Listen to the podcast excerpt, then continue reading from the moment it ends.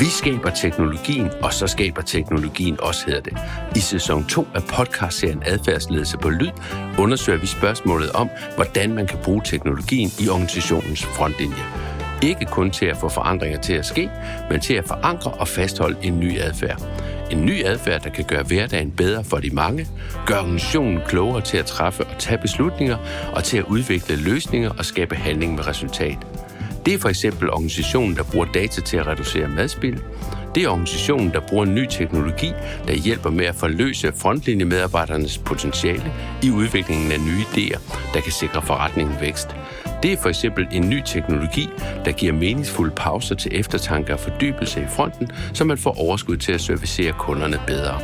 Teknologi former adfærd, adfærd former teknologi, men det er fortsat mennesker, der stiller spørgsmålene.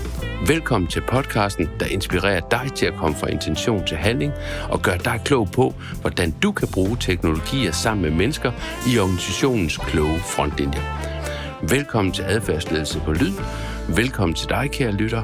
Sammen får mennesker og teknologi det til at ske igen og igen og igen. Vi lægger hårdt fra land i sæson 2 af podcastserien Adfærdsledelse på Lyd. I denne episode skal vi nemlig tale om, hvordan den store omstilling til fremtiden kommer til at ske, når teknologi bliver levende og liv bliver teknologi, som det hedder i bogen, som dagens gæst har skrevet. Nemlig dig, Peter Hesseldal. Du er redaktør på Ugebrevet mandag morgen, forfatter til den aktuelle bog med titlen Omstilling til fremtiden. Velkommen til øh, podcasten, Peter, velkommen til dig, kære lytter. Øh, inden vi dykker ned i den her omstilling, kan du så ikke lige prøve at introducere lytteren til, hvor vi sidder? Vi sidder nemlig øh, et sted på Fyn, som har en vanvittig smuk øh, udsigt her.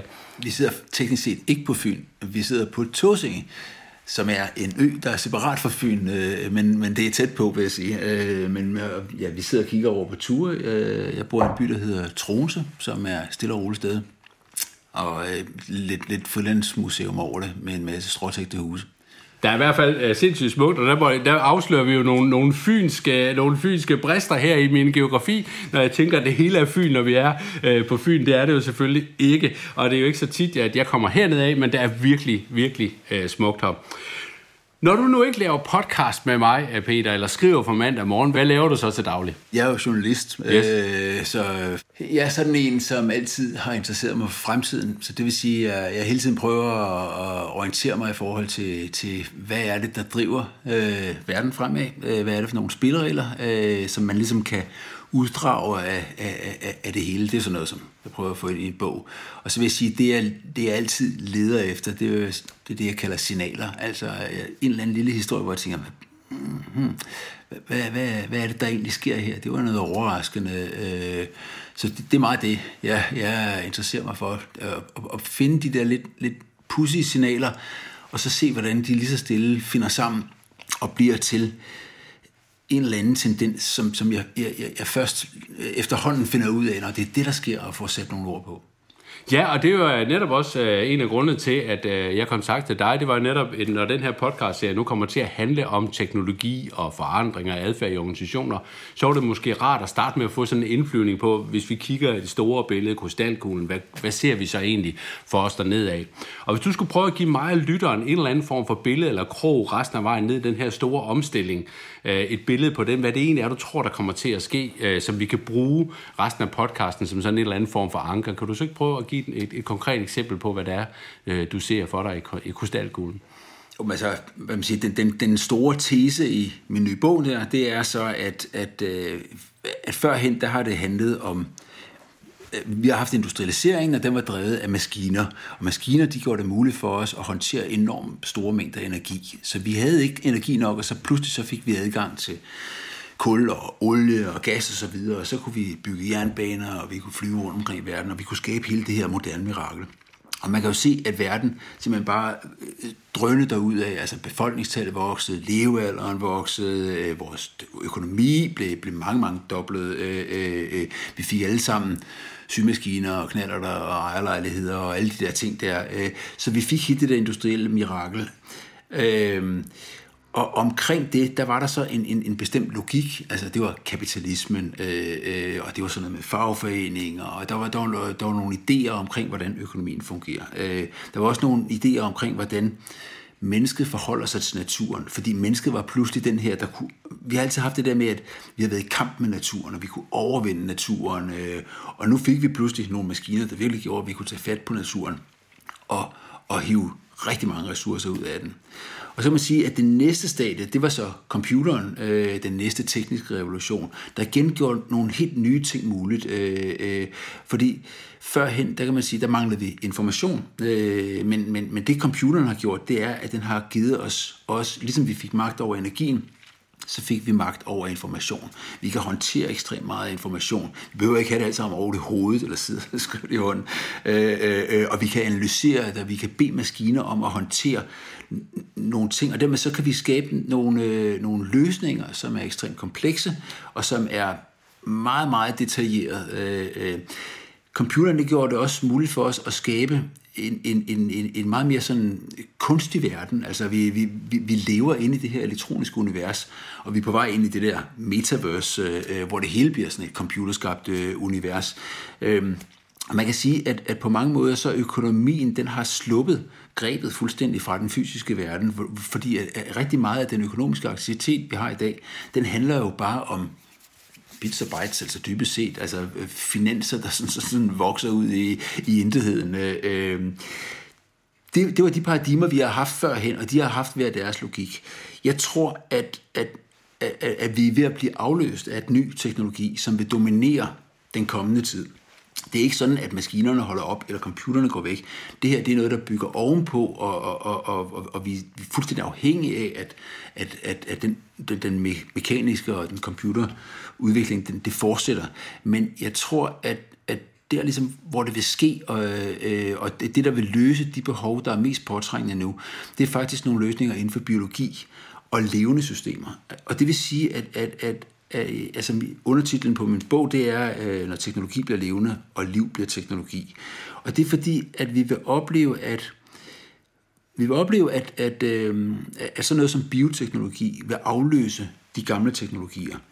Øh, hvis vi kigger på øh, energiforsyningen for eksempel, så har den jo været fossilbaseret. Øh, øh, det kan vi ikke gøre længere på grund af det der med, med, med klimaet. Øh, øh men, men i stedet, så kan man jo begynde, øh, øh, og, altså, altså vi, hvordan, hvordan kan man lave plastik for eksempel, i stedet for råolie? Jamen det kan man måske gøre ved at have planter eller mikroorganismer, der kan producere de olier, som man så kan omsætte til biologisk nedbrydelig plastik. Øh, øh, I stedet for at have et, øh, et landbrug, som, som, øh, øh, som, som er baseret på, at, at vi, vi opdrætter dyr i store mængder, øh, og, og det tærer ekstremt hårdt på miljøet, jamen så kan, man, øh, så kan man igen bruge mikroorganismer til at lave kød eller lave øh, mælkeprotein på andre måder.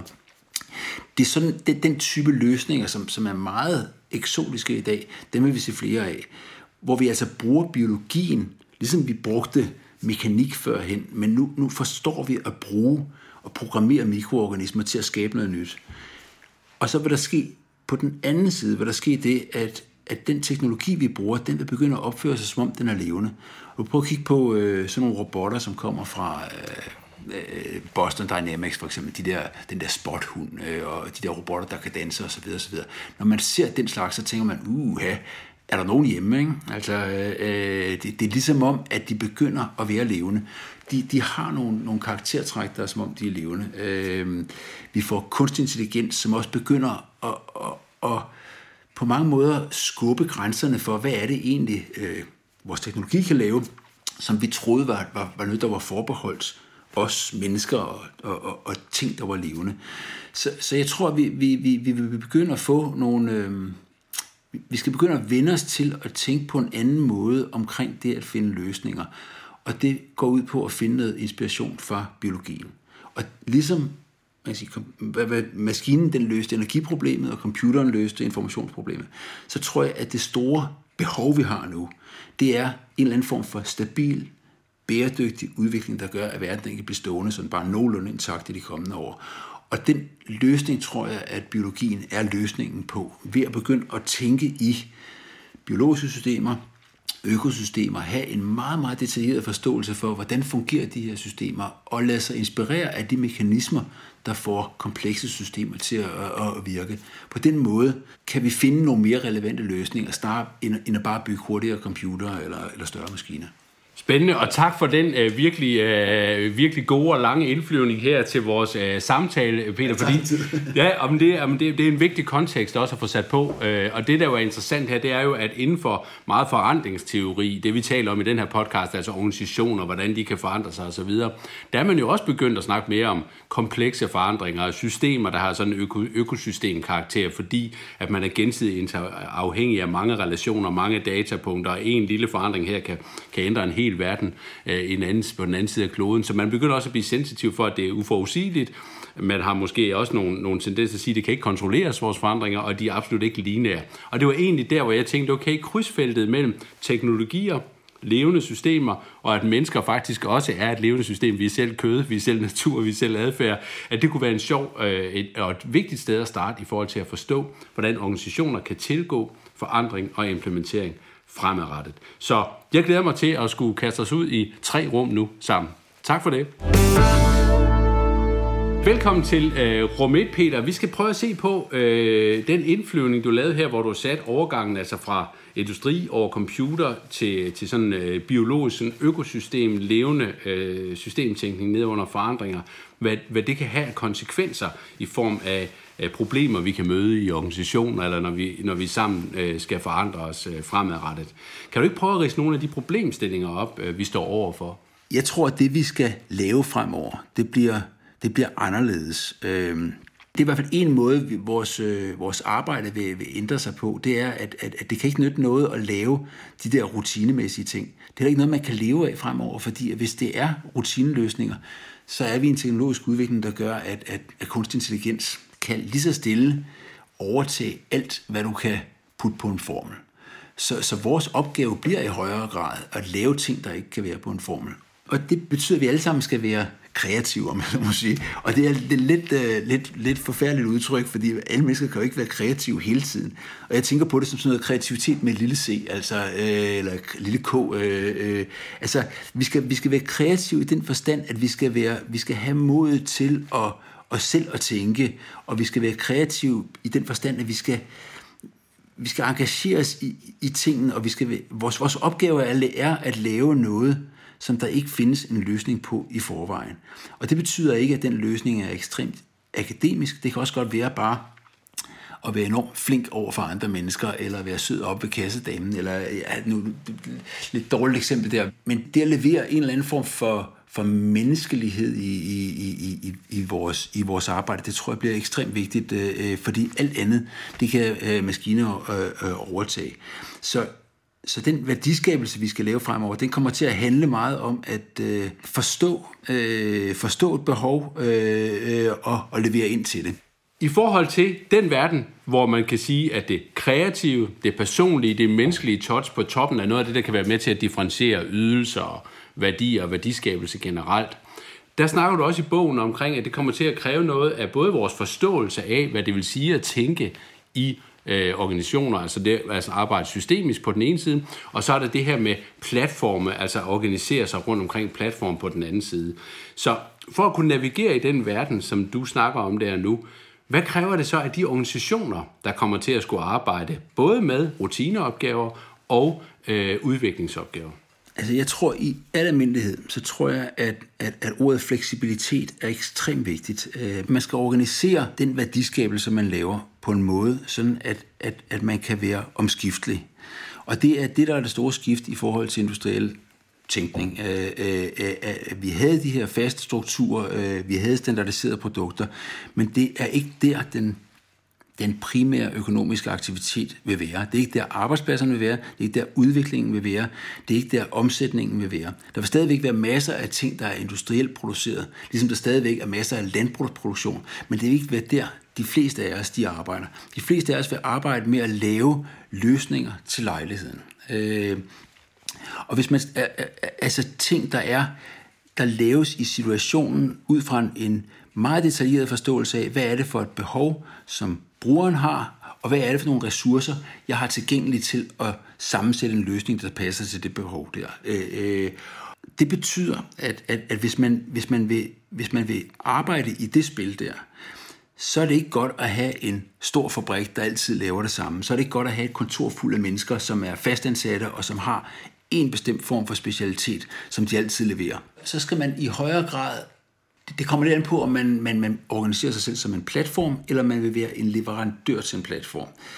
Jeg tror, at det vil være sådan, at den, den vigtigste spiller i økonomien fremover, det vil være platformene, som er et mellemled mellem at en brugers behov og nogle ressourcer, som kan kaldes ind til lejligheden for at opfylde det behov.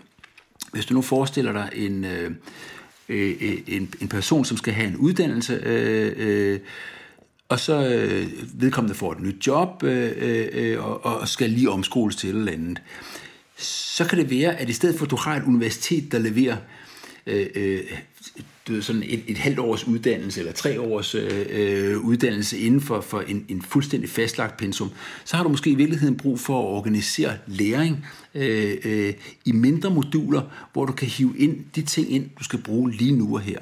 Fordi at nu har vi med livslang læring at gøre, og derfor så, så, så skal du ikke bare uddannes en gang alle for, for alle. Det var den gamle industrielle metode. Nu har vi så den her proces, hvor vi løbende skaber løsninger, der passer til lejligheden, og hvor læring så går ud på at holde en person kompetent i situationen. Hvis vi skal lave det, så skal vi, øh, så skal vi organisere os anderledes. I stedet for at have et universitet med fastansatte lærere og faste klasselokaler og lignende, så skal vi i stedet for at have en inde i midten, en platform, der ved, hvad er mine behov, så altså, som opsamler data omkring mig og på den anden side opsamler data omkring, hvilke lærere i øjeblikket er der derude, der kunne undervise det her? Hvem kan certificere den her uddannelse? Hvilke ressourcer skal vi trække ind? Skal det være en YouTube-video? Skal det være en personlig samtale? Skal det være et, et praktisk kursus? Eller hvad skal det være? Og så sammensætter man løsningen, bang, nu her til den lejlighed, til den her person. Men det er klart, at, at, at, at, at det er noget andet. Altså, så, så, så et universitet er jo ikke så længere en fabrik, der har alle ressourcerne in-house, og altid har de samme kompetencer. Så er det, at du har nogen, som, som, som hiver det ind. Så, dem, så, så enten så skal du så være den der platform, der siger, jeg har ikke faste jeg har ikke et fast produktionsapparat, men jeg har data omkring, hvad er det, der er behov for, og hvilke ressourcer er der derude. Og min opgave er at sørge for at få det møde til at ske.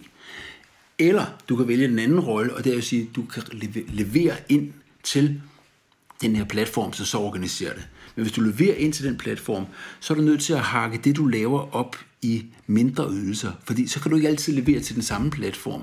Altså, så er du ikke fastansat på det her universitet eller på den her fabrik her. Så kan du et eller andet, og det leverer du ind i mindre stumper rundt omkring, der hvor det måtte være. Så du skal gøre dig selv tilgængelig, og du skal lave dit produkt på en måde, der gør, at det kan passe ind i forskellige sammenhænge. Og det er bare en anden måde at organisere sig, fordi, fordi sådan nogle ting som fast arbejde, øh, øh, er du selvstændig eller er du ansat, øh, sådan nogle ting der, de begynder at blive lidt tricky. Vi har en model i, i, i velfærdsstaten, som har, handler meget om de der 40 timers arbejdsuge og fastansatte mennesker, og et klar skille mellem professionelle og amatører. Øh, øh, der, der er sådan nogle, nogle kategorier, som, som alting er opbygget om, eller at vi har, du ved, at du bliver uddannet, og så arbejder du, og så er pensionist osv.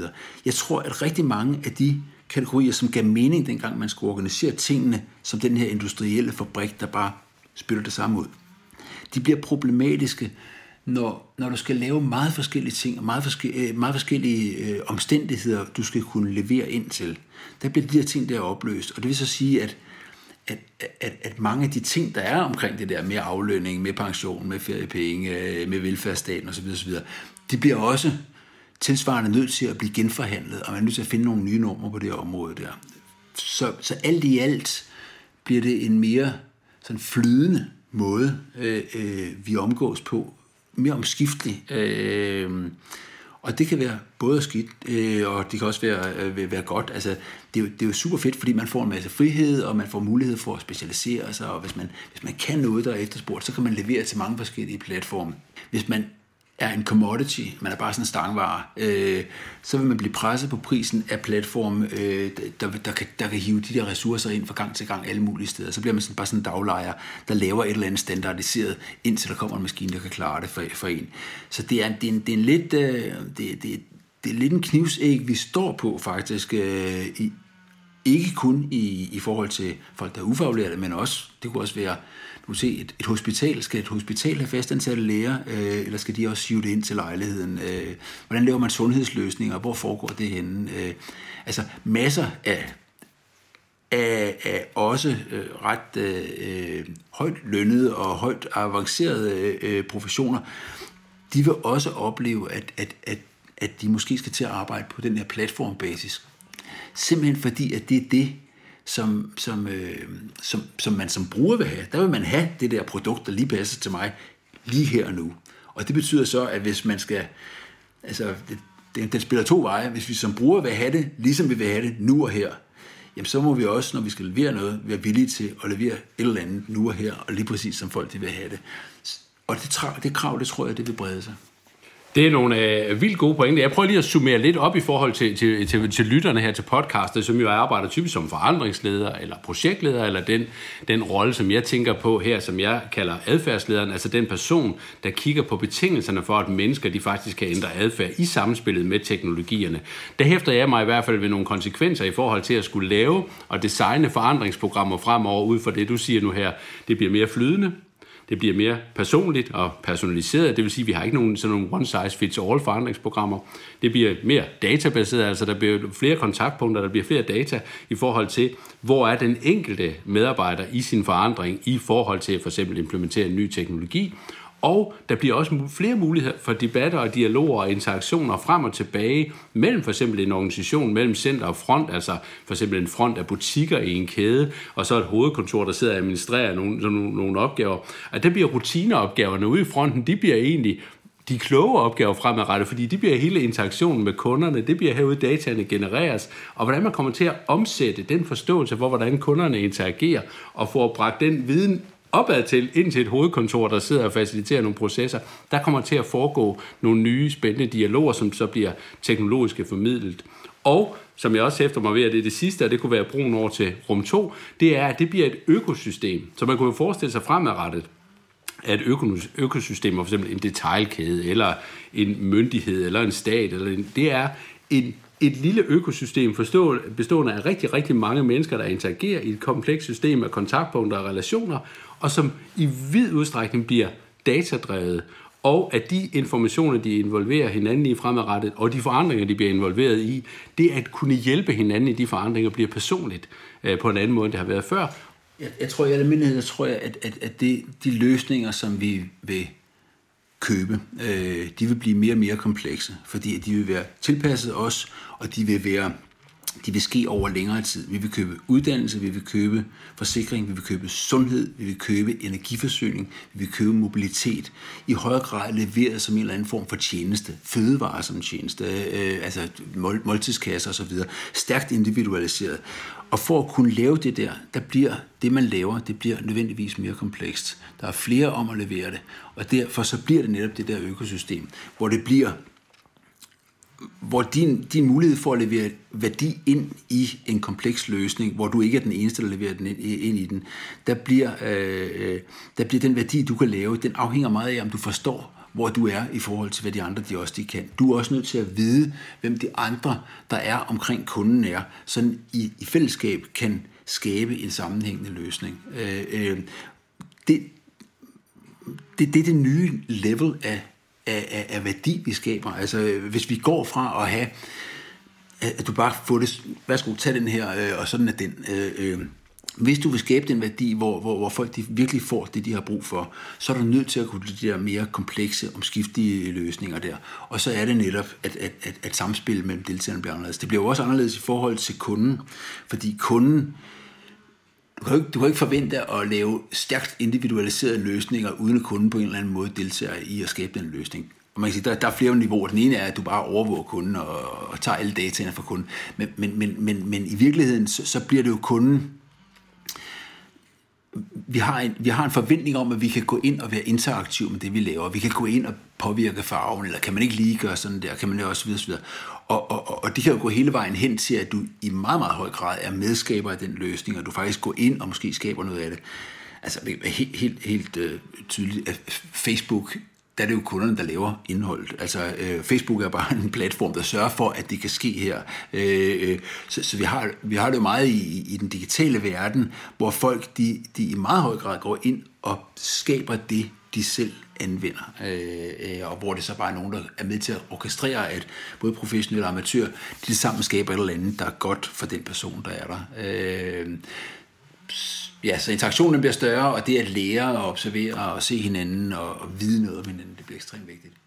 Fedt. Jamen, øh, tak for rum 1. Velkommen til rum 2.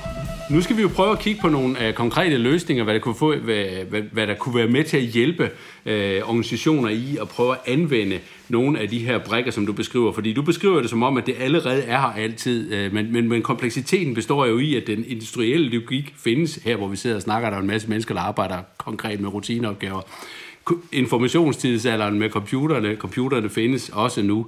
Og så kommer der det næste lag. Og det er jo ikke sådan, at de to andre lag de forsvinder, fordi det næste lag kommer. Det er jo sådan set mere bare et niveau mere i kompleksitet omkring det flydende og det, øh, hvad hedder det teknologi som, som, øh, som levende, og det levende som teknologi. Det er bare et ekstra lag.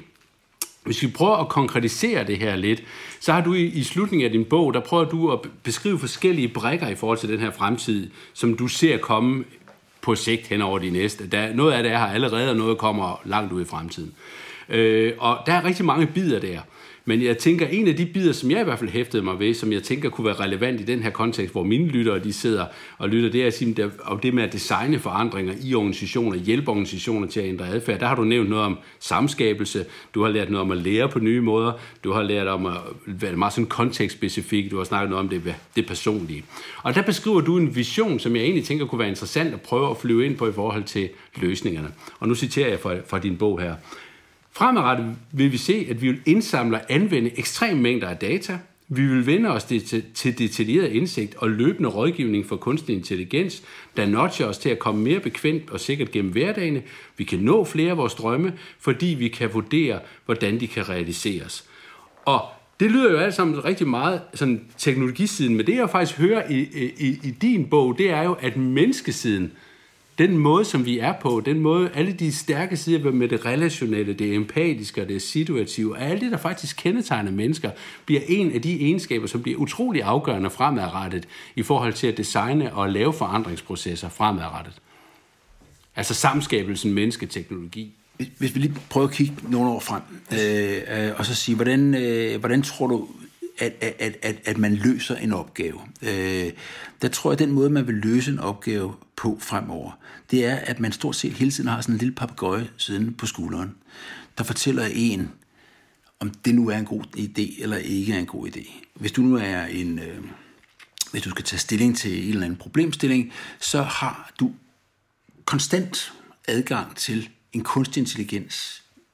Bare fordi du er forbundet til du er forbundet til hele internettet på én gang, og du er forbundet til nogle, nogle, nogle maskiner, der står derude og hele tiden analyserer din situation. Øh, og den kan fortælle dig, om, om hvordan plejer det at gå i den her slags situationer her? Øh, øh, hvad er reglerne på området? Hvad er historien med det firma, som du sidder og snakker med i øjeblikket? Øh, hvordan er det gået andre gange, når, når man har gjort et eller andet øh, i, i, i den retning der.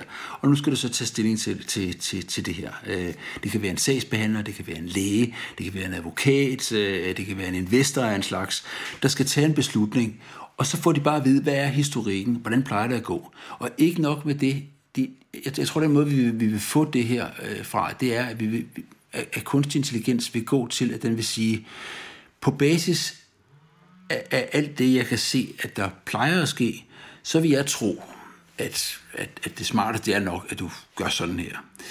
Og, og, og det kan man sige, det er en beslutningsstøtte. Den, den, vi vil hele tiden have den. Vi vil også have den i supermarkedet. Ah, den, du kan få den billigere et andet sted henne, eller du skal nok køre den her vej i stedet for, øh, når du kører ud på vejen. Jeg tror hele tiden, vi vil have en eller anden form for assistance til vores rådighed. Øh, øh, og det er en meget, meget hårfin overgang fra, at, at, øh, at, at den her kunstig intelligens, den giver dig beslutningsstøtte til, at du faktisk ikke tør tage en beslutning, der går imod det, som maskinen siger. Og når du når det punkt, så kan man sige, så er det måske på tide at, at, at gå på pension, fordi så, så, øh, så ved maskinen jo i virkeligheden bedst. Og så er det spørgsmål, det bliver, hvad er det så, mennesker kan gøre i den situation, hvor alt det der faktuelle, hele den der analyse, hele den der øh, øh, øh, forståelse af, hvordan det, noget det plejer at gøre, og i virkeligheden også den der fuldstændig, øh, den der sådan helt kolde, Øh, den, den, er ikke, den, den er ikke sulten, den er ikke irriteret over en anden person, den er ikke træt over den er ikke biased den, i sin psykologi. Den er ikke biased, øh, øh, den, den, den, den, den, den tager bare en analyse, og så siger den, det er nok smartest at gøre sådan her. Hvis du hele tiden i alle livssituationer får den form for input der, hvad er det så, du kan komme med? Det lyder som total science fiction, øh, øh, men jeg tror faktisk, at vi vil mærke det på område efter område, at, at, at, at, altså, der er jo rigtig mange mennesker, det første de gør, når de sætter sig ud i bilen, det er, at de tænder for GPS'en. Det var noget, i gamle dage, så tog de stilling til, hvor de skulle køre hen. Øh, øh, øh, det gør de jo, de, de ved sted, hvor de skal hen. Men hvordan de kommer derhen, det tager man ikke stilling til. I virkeligheden kunne det bare være en robot, der kørte bilen, og det bliver det jo også snart. Øh, øh, og sådan vil maskinen knæve sig ind på nogle områder. Øh, Men det er jo heller ikke helt science fiction, ja, ja. fordi når man kigger ind i organisationer i dag, eller og hvor folk de skal arbejde med at implementere en forandring, der vurderer, kommer du også ind i en risikovurdering ja. af den situation. Hvad er de forskellige udfald, hvad er de forskellige ja. scenarier? Og der diskuterer mange jo, på den ene side er det der AI-drevet beslutninger, der er de mest sikre. Ja. Altså det vil sige, de er databaserede, de vil trække på en rig og meget øh, grad af information der er aggregeret data, så derfor det vil være det normale udfald, eller er det det menneskelige skøn, og det er måske ikke enten eller, men, men, men, men er det det menneskelige vurdering til sidst i forhold til, skal vi gå med A, eller skal vi gå med B? Ja. Og der er der jo nogen, der placerer sig på AI-siden, og vi siger, vi tror virkelig meget mere på, på, på den førerløse bil, ikke? altså det rene AI-drevet beslutningssystem, over for dem, som tror på, at der skal altid være en eller anden grad af menneskeligt øh, skøn, for eksempel i forbindelse med en risikovurdering på en kraftsygdom. Ja. Øh, der vil man jo ikke bare øh, kunne sige, vil lægen jo mene, øh, at der ikke er et, et, et, et, et fagligt menneskeligt skøn. Og at de to diskussioner bliver jo den diskussion, man vil så vil få fremadrettet, når vi snakker forandringer generelt i organisationer imellem den AI-drevet øh, støttede beslutning, og så det skønsdrevet. Ja, er det sådan, vi skal ja. forstå det? Ja, men jeg tror faktisk, øh, øh, at, at muligvis, at man skal, at man skal helt helt overveje, hvad det egentlig er, øh, vi gør, der leverer værdi. Altså, øh, hvis du tager den der læge der, der skal lave en kræftdiagnose, øh, øh, jeg, jeg tror, at det er ikke utænkeligt, at, at, at vi inden for få år vil nå derhen, hvor maskinen reelt er bedre til at lave den kræftdiagnose. Det er simpelthen en større træfsikkerhed i vurderingen. Den, den, den rammer bare rigtig hver gang. Øh, øh, jeg tror, det, vil, det samme vil være, øh, øh, hvis det handler om at bare finde ud af, øh, øh, hvad, er, øh, hvad er reglerne på det her område her, jamen så vil en, en computer være bedre end en advokat. Øh, øh, og sådan vil det være på område efter område, at, at, at computeren objektivt set er bedre.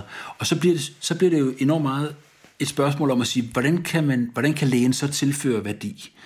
Øh, og, og der tror jeg, at, at der, der, der bliver det at, der, der bliver det sjovt nok nogle andre egenskaber end de der sådan... De, de, jeg tror, vi har idealiseret de egenskaber, som computeren har. Det analytiske, det kølige overblik, øh, øh, den, den, den klare diagnose.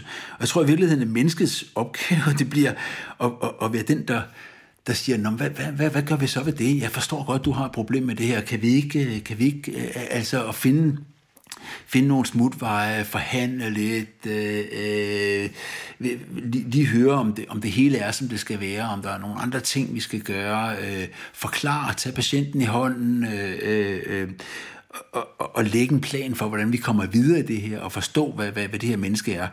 Men, men, men selve den der med, om du har kræft eller ej, den tror jeg egentlig, at, at der skal man bare sige, det er, er, er, er, der, er du, der er du bedre hjulpet af, at der er noget teknologi, der, der, der, der utvetydigt fastslår, at, at sådan er det. Ja. Øh, øh, så så jeg, jeg, jeg tror, at, at at, øh, at det, det antyder, det er jo så, at, at, at de egenskaber, som, som vil bringe os igennem den teknologiske udvikling med, med et, et, øh, med et formål intakt, øh, det er, at vores formål er at være mennesker. Øh, det vil sige, at, at vi skal være dem, der ligesom siger, hvad er, altså hvad, hvad er det, vi ønsker at opnå? Hvad er i orden? Hvad er den, hvad er den rigtige norm omkring det her? Hvordan sørger vi for, at, at folk de har det godt? Det, det, det er virkeligheden at, at, at, at, at gøre sig klart, hvad er det, mennesker kan, som maskiner ikke kan, og så sørge for, at det er det, den del af kompetencen, vi, vi satser på. Ja, fordi selvom du er teknologioptimist i bogen, og, og det tror jeg, det, det, det tror jeg, det er jeg langt hen ad vejen også, så siger du jo faktisk helt konkret, at vi mennesker skal sørge for at være over algoritmen i bogen. Ja. Og det, og det er så det, du mener her med den menneskelige, den ekstra dimension. øh. Jo, men altså, du kan jo godt lave en maskine, der, der siger, at det hele det skal bare drives øh, øh, fuldstændig rationelt, og vi skal have optimeret den offentlige sektor, og vi skal bare det skal bare gøres billigt.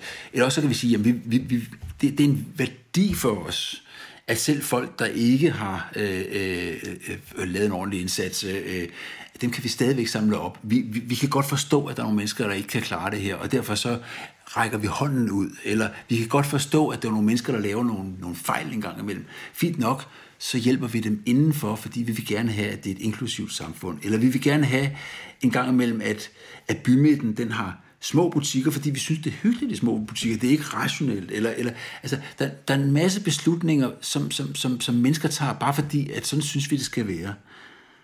Og det kan godt være, at computeren ikke fatter det, men der er det vores job, det er jo så at i, i virkeligheden at sige, maskinen frigør os til at få lavet det, som vi ønsker effektivt. Men hvis ikke vi er enormt opmærksom på, hvad er det, vi beder maskinen om at lave, så får vi måske noget, der er umenneskeligt. Altså, vi, vi, vi får et enormt rationelt samfund, eller et, et samfund, der kun sigter efter nogle ganske bestemte værdier. Det er lidt ligesom at programmere, det er den der udgangstilstand, hvor, hvor vi siger, det er det her, der er målet med maskinen, og, og det her, det synes vi er i orden. Øh, øh, den rolle er enormt vigtig, at vi påtager os, fordi jeg tror, at teknologien, specielt kunstig intelligens, har en tilbøjelighed til ligesom at, at, at stikke af på den måde, at, at den kan få fikse idéer, og at den kan optimere i forhold til nogle ganske bestemte ting. Et eller andet system, der bare siger, at vi skal have så mange penge som muligt ud af det her. Fint nok. Hvordan gør man det? Jamen, det kan maskinen jo regne, regne ud, men det kan godt være, at vi alligevel tænker, at det var måske ikke lige det, vi havde lyst til, eller at den ikke er i stand til at og forudsige, at hvis man så fælder den der skov der, så kan den ikke vokse op igen. Eller hvad. Altså sådan nogle ting, der, der, der kan være nogle ting, som, som, hvor, hvor vi sætter normen for, hvad er det, der har værdi, og hvad, vi, hvad der ikke har værdi. Og den rolle tror jeg, vi skal være ret bevidste om, øh, og, og ligesom stå fast i løbningen, og man sige, jamen er det, er det nu lige det, vi ønsker? Øh, eller måske endda have den luksus at sige, hvad er det så egentlig, vi ønsker? Hvad kunne være det fede? Altså, øh, og det er der, jeg bliver teknologioptimist. Det er jo fordi, at det er nogle sindssygt stærke værktøjer, vi har til vores rådighed, der i virkeligheden, hvis vi, hvis vi, hvis vi tager den der aktive rolle, så kan, så kan, så kan teknologien jo frigøre os for en hel masse rutinearbejder og, og en masse ting, vi alligevel ikke kan finde ud af. Og så er vores opgave sådan set bare at lave det fede. Altså, øh, øh, og, og det, det, den mulighed, synes jeg reelt, vi har. Altså, hvis vi siger, hvad, hvad, hvad er det for nogle normer? Hvad er det, hvad er det for et samfund, vi vil leve i? Øh, det er så en diskussion. Det kan, det kan man snakke om, og så videre, og så videre. Men, men, men man kan ikke bare overlade det til maskinen og gøre det, selvom maskinerne bliver meget, meget dygtige.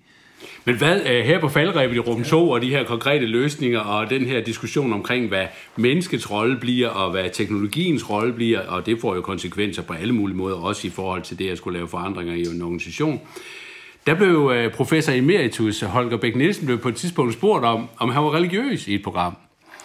Og så siger han... Ja, var der nogen, der forstod svaret? Ja, han siger, okay, ja. Nej, at, at de har siddet og diskuteret en masse om, hvordan til et univers var indrettet, og ja. tre og fire dimensioner ja, ja. og alt muligt. Og så siger han til sidst, så bliver han spurgt, hvad, hvad, er du religiøs, Holger Bæk Nielsen? Så siger han jo med den der meget karakteristiske stemme, ja, det er jeg, ja. siger han, fordi at universet har brug for en etik. Ja, og det vil sige, fordi det, det, det sidste, du snakker om, er jo normer og øh, etiske overvejelser og sådan noget. Så er man faktisk nødt til, øh, hvordan, er, hvordan forholder det sig med det etiske? Er man nødt til at være, næsten være religiøs i det her teknologisamfund? Jeg ved godt, det er... Ja, jeg, det, ved ikke, jeg, ved, jeg, jeg ved ikke, om universet har brug for en etik, men mennesker har jo brug for en etik. Ja. Fordi ellers så ender vi med at få et system, der stikker af øh, øh, fra os. Øh, og, og, og, det, og det er det på mange måder faktisk ved at gøre. Ja. Så jeg tror, at, at, at, at vi er nødt til at, at, og, og, og tage det der alvorligt med at sige, jamen, jamen det kan ikke... Øh, jeg snakkede tidligere omkring det der med, med, med det biologiske paradigme. Jeg tror, at hvis man ser på verden ikke som sådan en stor maskine eller en stor computer, der bare øh, øh, øh, skaber værdi af en eller anden slags, men ser på det som et økosystem, så er det sådan, at i økosystemer, der er mange forskellige ting, der foregår i det der, og mange interesser på spil, og de skal alle sammen have plads, og de skal spille sammen, og det kan ikke nytte nogen, der, der er en, der vinder over det hele. Altså, det kan ikke nytte noget, at, at, øh, at reven tager alle hønsene, fordi så, så, så, så er der ikke noget at æde næste dag. Øh, øh, øh, øh altså, der, der er nogle ting omkring det at sige, at vi lever i et i vores forståelse, vi lever ikke i en maskine, vi lever i et levende system, og i et levende system, der er der mangfoldighed, der er resiliens, altså ting, de, at de er modstandsdygtige, fordi at, at der er lidt at give af, øh, øh, altså man kan ikke optimere fuldstændig osv. Der, der, der er en hel masse, der, der er en masse værdier, som ligger i det at lave et system, som er levende og skal fungere på lang sigt, som vi skal huske at bygge ind, når vi laver de her teknologier. Ja, der synes jeg, altså øh, igen, øh, det er, det er jo rart at kunne komme op på det her refleksionsniveau, hvor vi er øh, lige nu, Peter, fordi der kunne man jo godt udfordre din bog også lidt. Øh, I din bog, der beskriver du, at vi lever i den antropocene tidsalder. Men, men, men der er jo faktisk mange filosofer, øh, italienske filosofer blandt andet, der vil gå endnu videre og sige, at vi lever i den zoocentriske tidsalder. Altså hvor det er det levende, der er centrum, og ikke menneskerne, der er centrum. Fordi det er først i det øjeblik, at mennesket faktisk kommer til at spille en birolle i det her verden, og nu snakker vi i forhold til for eksempel klima og de forandringer, der ligger der, at det er først i det øjeblik, at vi får en lidt mere ydmyg rolle i forhold til øh, vores rolle i, i universet generelt, at, at vi får øh, måske også mulighed for at løse klimaforandringerne, altså vi får en sensitivitet for naturen, vi får en, en, en etisk moralsk fornemmelse af, at vi kan ikke bare udnytte alle ressourcer, at øh, vi selv er afhængige af det, vi er selv natur, vi er selv en del af det. Så hvis man sådan skulle prøve at knytte nogle refleksioner på den overgang mellem det antropocene, altså hvor mennesket er i centrum af den her tidsalder, over i retning af det zoocentriske, hvor tror du så, vi, be, vi befinder os øh, der? Er det, er det et kontinuum, eller hvad, hvad, hvad, hvad, hvad, hvad sker der? Øhm, ja, nu, nu, nu, nu, er vi, nu, er vi, nu er vi langt oppe der, men, men, men jeg, jeg synes, hvis jeg vender tilbage til den der med, at vi har haft et, et, et, et verdensbillede, som, som, var, øh, som var præget af, af, af en idé om maskinen, så, så var så en del af det verdensbillede, det var, det var det, at man siger, at naturen er en eksternalitet, altså at, at, at, at du, kan, du kan egentlig bare plyndre planeten det, det er ganske gratis, eller det er meget, meget billigt, øh, og der er masser af ressourcer, øh, og, og du kan sådan set bare knæve dig igennem øh, øh planeten. Og sådan gjorde man jo i enormt lang tid, og sådan gør vi jo faktisk stadig i, i, i meget høj grad, at, at den måde, økonomien er, er indrettet på, den, der, er, der er meget store værdier, der har en enorm stor betydning for vores langsigtede overvejelse, øh, overlevelse, som, som ikke rigtigt bliver taget med ind i regnskabet. Altså du kan slippe afsted med og forurene. Det kan vi jo alle sammen gøre. Vi kan tage en tur til Mallorca, øh, øh, øh, og vi betaler ikke den fulde pris. Og sådan er det med rigtig, rigtig mange. Der ligger simpelthen en masse udgifter over på naturen, som er usynlige. Nå, jamen, men det, det er det, jeg mener i forhold til det der med det antropocentiske, eller hvad det... Altså, ja, antropocene, og, og altså, ja, ja, ja, vi, vi har... Øh, øh, jeg tror, vi skal se os selv, vi skal, vi skal lige lære at forstå, at vi er en del af et system. Øh, øh, og og, og vi, kan, vi kan ikke have en økonomi, hvor vi siger, at vi har en økonomi, og så er der ligesom et, et system, der er løsredet fra os. Altså naturen. Ja, ja, ja der, der er den der boomerang, den er ved at ramme sin nakken der, fordi at nu, nu er der ikke sådan, nu er der ikke sådan, sådan friske kontinenter, vi bare kan erobre.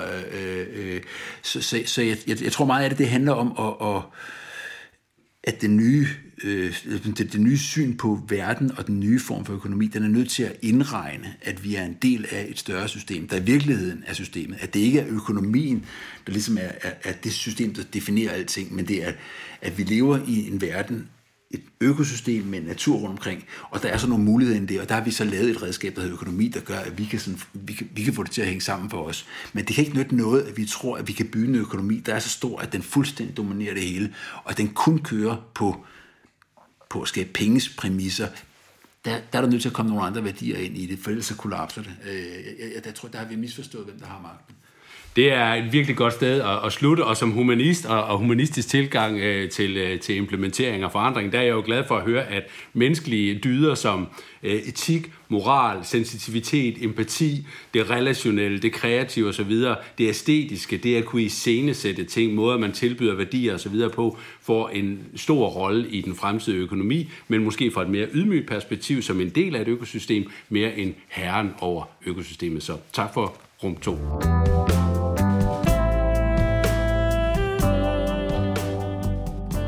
Vanen tro, øh, Peter, er vi nu kommet til uh, rum 3, og der vil vi ligesom for at summe den her samtale, hvis man overhovedet kan det, summe nu op i nogle principper eller nogle anbefalinger, som du tænker, at vi fremadrettet os, der er, uh, sidder i virksomheder, så for at skulle forandre og organisere os på nye måder. Uh, hvad, hvad, hvad, hvad, hvad vil så være nogle vigtige uh, læringer at tage med sig i forhold til de ting, du har beskrevet i din bog, der hedder We Economy, eller den sidste nye bog med den, med den store omstilling. Hvad er det sådan tre hoved hovedprincipper, man skal tage med sig, i hvert fald som er centrale. Øh, og vi kalder det øh, Peter Hesseldals Få det til at ske øh, liste. Og øh, hvis vi nu skulle tage øh, princip nummer et, hvad skulle det så være? Princip nummer et, hvis man skal klare sig i business og som arbejdstager fremover, det er i hvert fald, at det kan ikke nytte noget at være en commodity. Det, det, det, det dur ikke at lave standardvarer. Det, det, det er simpelthen ikke det er, det, det er et for hårdt game. Øh, man, man, skal, man skal finde et eller andet, som er lidt specielt. Man skal lægge sig et sted, hvor man har en mulighed for at, at lave noget, der er helt enestående. Øh, for ellers er du for sårbar i forhold til at blive overtaget enten af maskiner, eller, eller nogle andre ude på en eller anden sådan platform, der bare skal have en, en daglejer, der, der kan fikse et eller andet. Øh, og hvis du er en virksomhed, der laver nogle produkter, og de produkter indgår i en løsning, som bliver sammensat af en platform. Altså hvis du nu for eksempel leverer transport ind i, i, i et system, og nogle gange er det busser, og nogle gange er det fly, og nogle gange er det en eller andet, så, så, så, så skal du igen have, du, du skal have en forståelse for, hvordan kan, du, hvordan kan du lave en særlig værdi, fordi ellers så er du bare ude i, at, at dem, der skal finde komponenter, de går bare ud og og tager den billigste komponent. Så du skal, du skal gøre det klart, hvad din værdi er, øh, og du skal hele tiden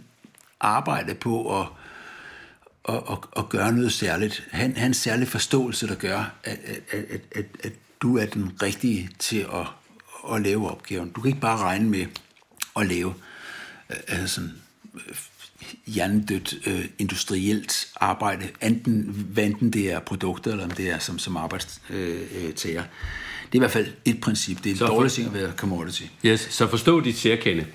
Ja. Princip nummer to, hvad kunne det så være, hvis man nu har forstået sit særkende og ved, hvordan det skal forvaltes i den her øh, platformsøkonomi? Princip nummer to, det er, at der, jeg tror, at vi er nødt til at lære at tænke på noget andet end bare penge. Øh, penge er super vigtige. Øh, penge er et fantastisk øh, en teknologi, der gør det muligt at udveksle værdi og lave handel osv. osv.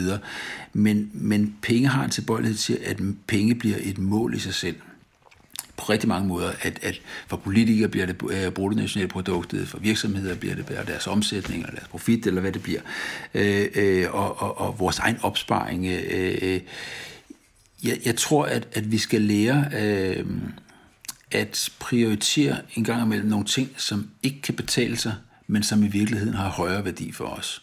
Og jeg tror, der er nogle værdier derude, som er meget groft forsømte, både på det sociale område og på det miljømæssige område, som, som er meget svære at give en værdi i penge, fordi de er faktisk ikke sådan særlig nyttige, eller de, er ikke, de har ikke den der, sådan, sådan at det kan sælges til noget. Og, øh, men hvis ikke vi har de faktorer, og hvis vi ikke er til at prioritere dem højere, så forsvinder de. Øh, så bliver de, så bliver de, øh, så bliver de enten altså, trumlet ned af, af nogen, der har flere penge, øh, eller, eller vi, vi, vi, vi, vi, vi, vi, vi vander dem ikke, om jeg så må sige, så de kan ikke, de kan ikke blive ved med at vokse. Øh, så jeg tror, at vi skal, vi skal lære at tage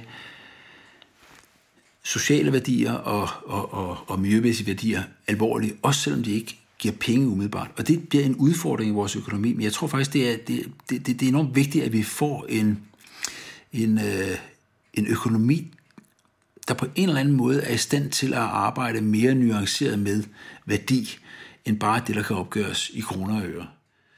Det bliver i hvert fald en udfordring.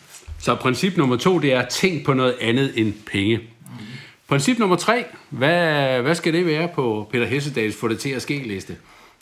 Øh, jeg har sådan en, øh, et forslag til fremtidens pensum i skolerne. Øh, sådan en, en ny øh, grundlæggende øh, ting, ligesom at lære at, at lave matematik og skrive osv. Øh, øh, og det er, det er at forstå systemer. Øh, øh, der er, vi er, vi er tilbøjelige til at at tænke alt for simpelt på tilværelsen. Øh, øh, og når tingene de bliver mere komplekse, så har vi simpelthen ikke ordene til at fortælle, hvad er det, der foregår.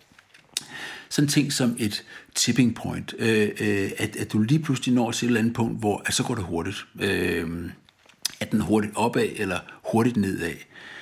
Et tipping point, det er jo et sindssygt nyttigt begreb feedback, øh, øh, at det er ting de er selvforstærkende, eller negativ øh, feedback, hvor at, at, at hvis du laver en indsats, så vil der være nogle balancerende ting, der sørger for at komme tilbage til det udgangspunkt, du var. Øh, øh det at der kan være selvorganisering, at mange menneskers øh, øh, individuelle handlinger, de kan, de kan skabe en effekt, som du overhovedet ikke kan forudsige, øh, øh, at, at, at, hvor, hvor, du ikke kan, hvor du ikke kan gå fra det, fra det enkelte niveau, at jeg køber en bil, til at pludselig opstår der McDonald's rundt omkring i hele verden, eller, eller hvad det er. Altså, der, der sker nogle andre ting, øh, øh, der sker nogle, nogle, nogle spring der. Øh, det, det at forstå øh, den måde, systemer fungerer på, og tænke i ikke så meget på, at, at her er, at, at verden består ligesom af atomer, og, øh, og man bare kigger på, hvordan, hvordan ser den enkelte virksomhed ud, øh, eller, eller her er en nation, og den kan ligesom, den, den, den kan gøre, hvad den vil, og vi har frihed, og vi,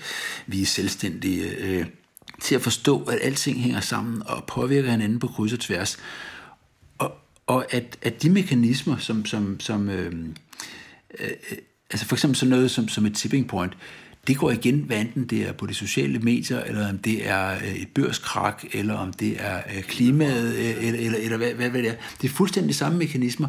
Så der er sådan en, en, en håndfuld grundlæggende øh, begreber, som jeg simpelthen ikke fatter, man kan gå igennem skolen, uden lige at have dem. Fordi hvis man har dem der, så kan man overføre principper for, hvordan ting de opfører sig, og man kan, man kan overføre erfaringer øh, og og viden om funktioner øh, øh, på kryds og tværs. Altså du, du kan tage begreber netop fra, fra, fra biologi og overføre dem til, til, til det sociale område, og du kan stadigvæk se, hvad der sker, fordi du kan se, at vi har gang i nogle feedback-mekanismer, øh, øh, eller, øh, eller altså man forstår bedre, øh, hvordan ting spiller sammen, og, og hvordan udviklingen i virkeligheden finder sted. Og, og det synes jeg er simpelthen en mangel i, i, i vores... Øh, altså i en, i en verden, der bliver stadig mere forbundet. Altså vi, bliver, vi hænger hele tiden totalt tæt sammen med rigtig, rigtig mange andre mennesker. Og vi påvirker hinanden på kryds og tværs meget kraftigere, end vi nogensinde har gjort. Og vi er i den grad øh, en del af, af, af et globalt øh, øh, økonomi og globale strømninger, hvor at det, der sker øh, i den anden ende af verden, det påvirker os med få minutters mellemrum, eller få sekunders mellemrum, øh, øh kan direkte påvirke os det at leve i et komplekst forbundet system, der, der udvikler sig dynamisk, der synes jeg, at man er nødt til at, at, at kunne systemtænkning. Og, og det kan man sagtens gøre helt ned i folkeskolen. No problem. Altså det, det, er ikke, det her det er ikke uh, rocket science. Det, det, er bare, det er bare en måde at, at, ligesom at tænke på verden på. Så lær at tænke, øh, arbejde og navigere systemisk og i systemer. Det vil jeg nok sige. Det er princip nummer tre. Jamen, uh, tusind tak uh, for en, en virkelig uh, flot uh, samtale, uh, synes jeg, uh, med mange, mange gode pointer, uh, Peter, og mange gode refleksioner, og som søsætter og sætter gang uh, i den her episode uh, og sæson, hvor vi skal snakke om teknologi, forandringer og adfærd. Og jeg vil da uh, øh, dig for det sidste ord i form af et citat fra din øh, bog, som jeg synes virkelig er anbefalesværdigt, og jeg håber, at alle, der lytter med, øh, skynder sig ud og, og køber den, og der er jeg ret sikker på, at der får man nemlig også et grundkursus i at lære at tænke systematisk øh, og bruge det her øh, systemisk tænkning. Men øh, et sted skriver du, Og øh, lad det være udgangsreplikken øh, for den her samtale, og jeg citerer. Teknologien står selv over for at skifte fra at være domineret af mekanik, elektronik og matematik, til i højere grad at være præget af forståelser fra biologien. Teknologi vil være levende, og det levende vil være teknologi. Teknologien vil gøres til en anden art, både som individer og som en fælles forbundet civilisation, i en skiftende balance med livet omkring os. I scenariet for en bedre verden frigør og støtter teknologien mennesker i at realisere de mål, vi sætter os. Så tak for at starte og bygge lidt op her på sæson 2, og tak fordi jeg måtte komme til Troense, som altså ikke ligger på Fyn, Peter. Tak for det. Ja, det var sjovt. Rejsen fra intention til handling er slut for denne gang. Tak fordi du lyttede med til Adfærdsledelse på Lyd. Et laboratorium, hvor vi undersøger, hvordan dygtige, kreative, professionelle, skøre og sjove mennesker får forandringer til at ske. Husk, at det er gennem dine mikrohandlinger, at du opnår maksimal effekt. Alt det kræver af dig er mod til at tro på, at mikro er stort nok. Håber, vi lyttes ved næste gang.